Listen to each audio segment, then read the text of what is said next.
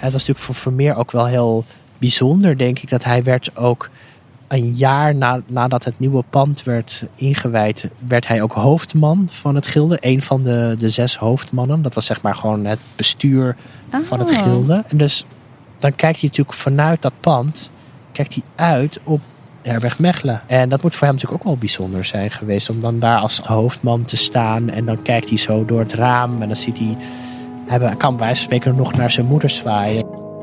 Ja, dat is, dat, daar komen we iedere keer weer op uit natuurlijk. Hoe, hoe ontzettend eh, nabij alles was in het leven van Vermeer. Ja, en het is heel dichtbij, maar toch heeft hij in zijn positie en in zijn leven hele grote stappen gezet. Dit is het Delft van Vermeer. Mijn naam is Diede Vonk en samen met conservator David de Haan van Museum Prinsenhof Delft loop ik door Delft om in de voetsporen van Vermeer te treden. We weten niet zoveel over Vermeer, waardoor hij zich moeilijk laat kennen. Wat voor man was hij? Daar hopen we in deze podcastserie achter te komen. In de eerste drie afleveringen leerden we al dat Vermeer opgroeide tussen de kunst. Dat zijn leefwereld klein was, hij een grote berg kinderen kreeg en dat hij bovenal selectief was in welk deel van de werkelijkheid hij liet zien op zijn schilderijen. Dit keer gaat het over de schilderkunst. Hoe werd Vermeer schilder? Wie inspireerde hem en waar begon hij? Dat zoeken we uit op de Voldersgracht.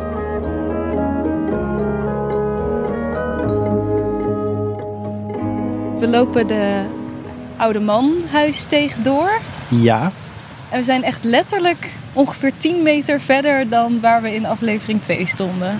En ik zie hier gelijk een enorm eerbetoon aan Vermeer. Ja, en hier in het Vermeercentrum, want dat is waar we voor staan. Dit is wel echt het hart, zou je kunnen zeggen, van de Vermeer-verering in Delft. We gaan het zo hebben over waarom dit een belangrijke plek was voor Vermeer. Ja. Maar we lopen eerst nog een stukje verder. ja, dat is goed.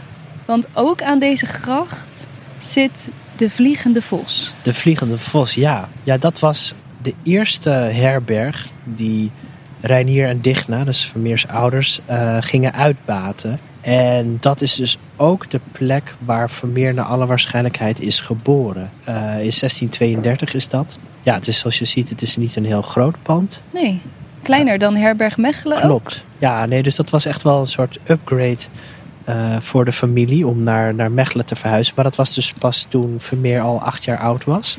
Dus echt zijn eerste stappen, letterlijk, heeft hij in, in, in dit huis eh, gezet. Dit heet de Voldersgracht. Wat betekent dat? Ja, dat is eigenlijk nog een verwijzing naar de, de wolindustrie die hier actief was. Dus aan het einde van de Voldersgracht heb je bijvoorbeeld de, de Bloedbrug. Die wordt zo genoemd omdat daar de gracht rood kleurde vanwege de kleurstoffen die Oh, gebruikt. Ja, nee, het is, het is iets minder luguber dan het klinkt. En in de Voldersgracht zelf, ja, vermoedelijk zal het daar ook wel een beetje gestonken hebben. Want voor de productie van laken werd ook al gebruik gemaakt van urine. Aan het begin van de Voldersgracht heb je nog de vleeshal. Daar werd het vlees verhandeld. Dus daar had je natuurlijk bijvoorbeeld ook ja, resten van, van dieren. Oh, dus je hebt enerzijds die geuren van misschien dode dieren, geuren van urine.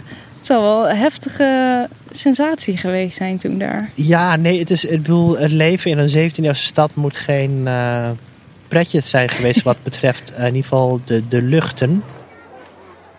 Mensen leefden bovenop elkaar. En wonen en werken was niet gescheiden. Een bedrijvige plek dus, waar Vermeer zijn kinderjaren doorbracht. Hoe werd hij op deze plek geïnspireerd om later kunstenaar te worden? Van zijn opleiding weten we weinig. Maar hier op de Voldersgracht ligt wel een aanwijzing. En we hadden het in de tweede aflevering over dat eh Vermeers ouders veel kunst verzamelden en verhandelden. eh, dat dat hem vast heeft geïnspireerd om ook te gaan schilderen. Maar wat weten we over zijn opleiding? Ja, inderdaad. Dus Vermeers vader, een jaar voordat Vermeer geboren wordt, schrijft hij zich in als kunsthandelaar. En op de Voldersgracht zat ook een tekenacademie in die tijd. En het is helemaal niet zeker dat. Maar het is natuurlijk heel goed denkbaar dat Vermeer daar ook gewoon zijn eerste tekenlessen heeft genoten. Het is natuurlijk duidelijk dat zijn ouders al snel zagen dat Johannes die aandrang had om zich in de kunsten te willen verdiepen. Dus dat, ja, zij moeten dat voor hem wel mogelijk hebben gemaakt. En vaak begin, begin je gewoon met leren tekenen. Dus het zou wel heel, ja, heel logisch zijn dat hij op die tekenacademie gezeten heeft. Ja, dus dat, dat zou zomaar goed kunnen. We weten het niet zeker, maar het zou goed kunnen. Iets wat ik nog vaak ga horen deze podcastreeks. Hoe fijn dus als er een keer wel iets duidelijk is vastgelegd. Zoals het volgende verhaal. We weten al dat Delft in de 17e eeuw een echte culturele hotspot was, met veel kunstenaars. Maar hoeveel kunstliefhebbers er waren, heeft één iemand tot in detail vastgelegd. Een, een tijdgenoot van Vermeer, Leonard Bramer, ook een, een, schilder dus, een katholiek, maar ook een vriend van de familie Vermeer. Zo, dat is begin jaren 50 vermoedelijk, uh, tekent hij allemaal kopieën naar schilderijen die op dat moment in de stad uh, hangen bij een aantal mensen thuis. Oh.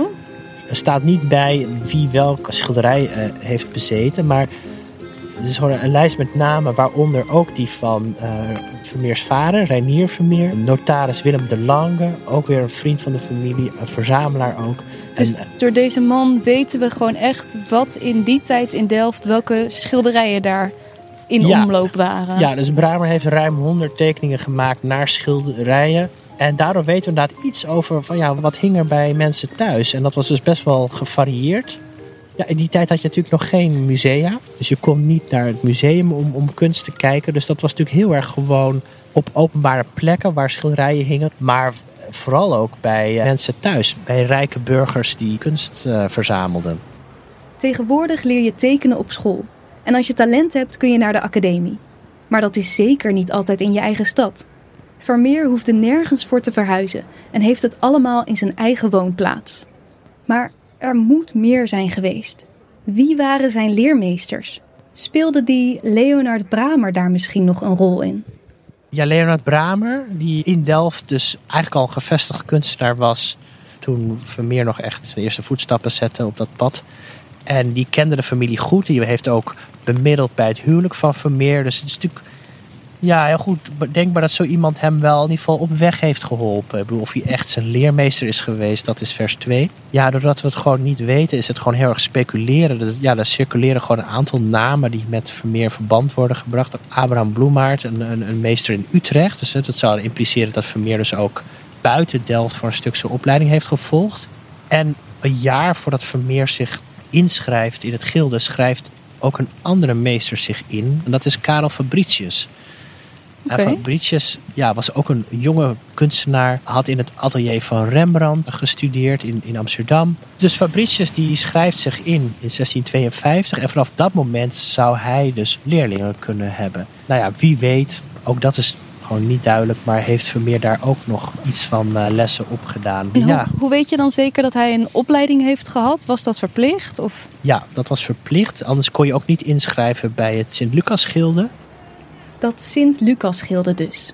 In aflevering 2 hoorde je al dat je je daar moest inschrijven om als schilder werk te mogen verkopen en leerlingen aan te nemen. Maar lid van het gilde werd je niet zomaar. Je moest eerst zes jaar in opleiding. Daarna mocht je je inschrijven en werd je meesterschilder. Vanaf dat moment kon je je als zelfstandig schilder vestigen. Een belangrijk moment voor de 21-jarige Vermeer. En Vermeer heeft dus vanaf zijn tienerjaren moet hij zo'n opleiding hebben gevolgd. Was dat duur? Konden zijn ouders dat zomaar betalen? Dat was zeker geen uh, goedkope opleiding. Zijn ouders hadden Herberg Mechelen gekocht. Althans, ze hadden een aanbetaling gedaan. Maar ik denk ook het feit dat ze bijvoorbeeld die hypotheek niet veel verder hebben afbetaald... dat zal ook ongetwijfeld te maken hebben met de kosten die ze kwijt waren aan Vermeers opleiding. Ik bedoel, Vermeers ouders waren niet arm, maar ook niet bemiddeld. En inderdaad, Vermeer kostte eigenlijk alleen maar geld op dat moment. Omdat hij natuurlijk als schilder in opleiding ook zelf niks nog verdiende. Dus dat was zeker van hun kant wel uh, een offer. Ja, dus daarom is het ook, hè, dat, je werd in die tijd niet een soort van tegen wil en dank uh, kunstenaar.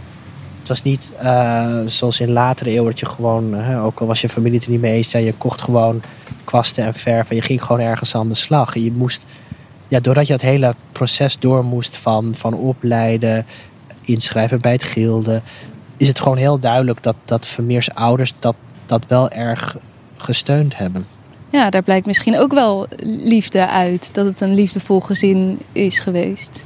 Zeker, ja. Nee, dat de, uit de bronnen ja, is het moeilijk op te maken. Maar het is anders dan bij de familie Tins. Kom je ook niet conflicten tegen. Of, of, of, of, eh, dus ja, het is natuurlijk een beetje gissen. Maar dat is wel een beetje het gevoel wat, wat ik er ook bij heb. Dat dat wel gewoon een goed gezin was. Waarin gewoon ook, ook in, in, in, de, in Johannes uh, geïnvesteerd werd door zijn ouders. Als ik suggestieve vragen stel, merk ik dat David soms naar woorden moet zoeken. Tja, we kunnen niet met zekerheid zeggen dat het een liefdevol gezin was. Maar ik merk ook dat hij het wel heel graag zou willen kunnen zeggen. Om de feiten die voor ons liggen wat kleur te geven. En zo die puzzel verder in te vullen. Even terug naar Vermeer als schilder. We weten al dat hij de meester is van het licht en de stilte. Maar wat is er kenmerkend aan de scènes die hij schildert? Wat kenmerkend is dat Vermeer eigenlijk de goede klasse van Delft weergeeft. In Vermeer schilderijen zie je geen armoede. Zie je eigenlijk gewoon mensen die het goed hebben. Die in een interieur leven omringd door mooie voorwerpen van porselein of aardewerk, tapijten. Ja, het heeft gewoon iets heel beslotens. Een soort van wereld op zichzelf, uh, heb ik vaak het gevoel. Er waren dus een hele hoop verschillende schilders, eh, kunstenaars in Delft in die tijd. Ja, zie je een letterlijke inspiratie in het werk van Vermeer van andere kunstenaars? In zijn tijd had je natuurlijk meer schilders die bezig waren met wat we dan dus genrestukken noemen. Dus interieurscènes van galante gezelschappen. En dan denk ik bijvoorbeeld aan iemand als Gerard Terborg. En er waren natuurlijk ja, iemand als Pieter de Hoog, eh, die in Delft zat in de tweede helft jaren 50 en met dezelfde dingen bezig was als Vermeer.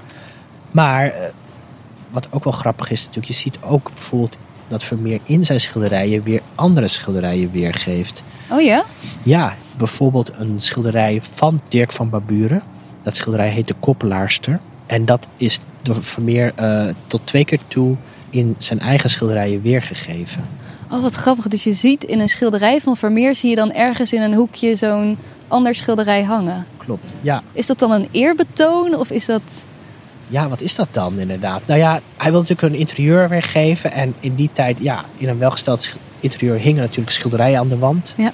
En ja, er, er, is dus een theorie dat schilderij mogelijk in bezit was van zijn schoonmoeder, van Maria Tins. Ah, dat dat gewoon letterlijk in hun huis hing. Ja.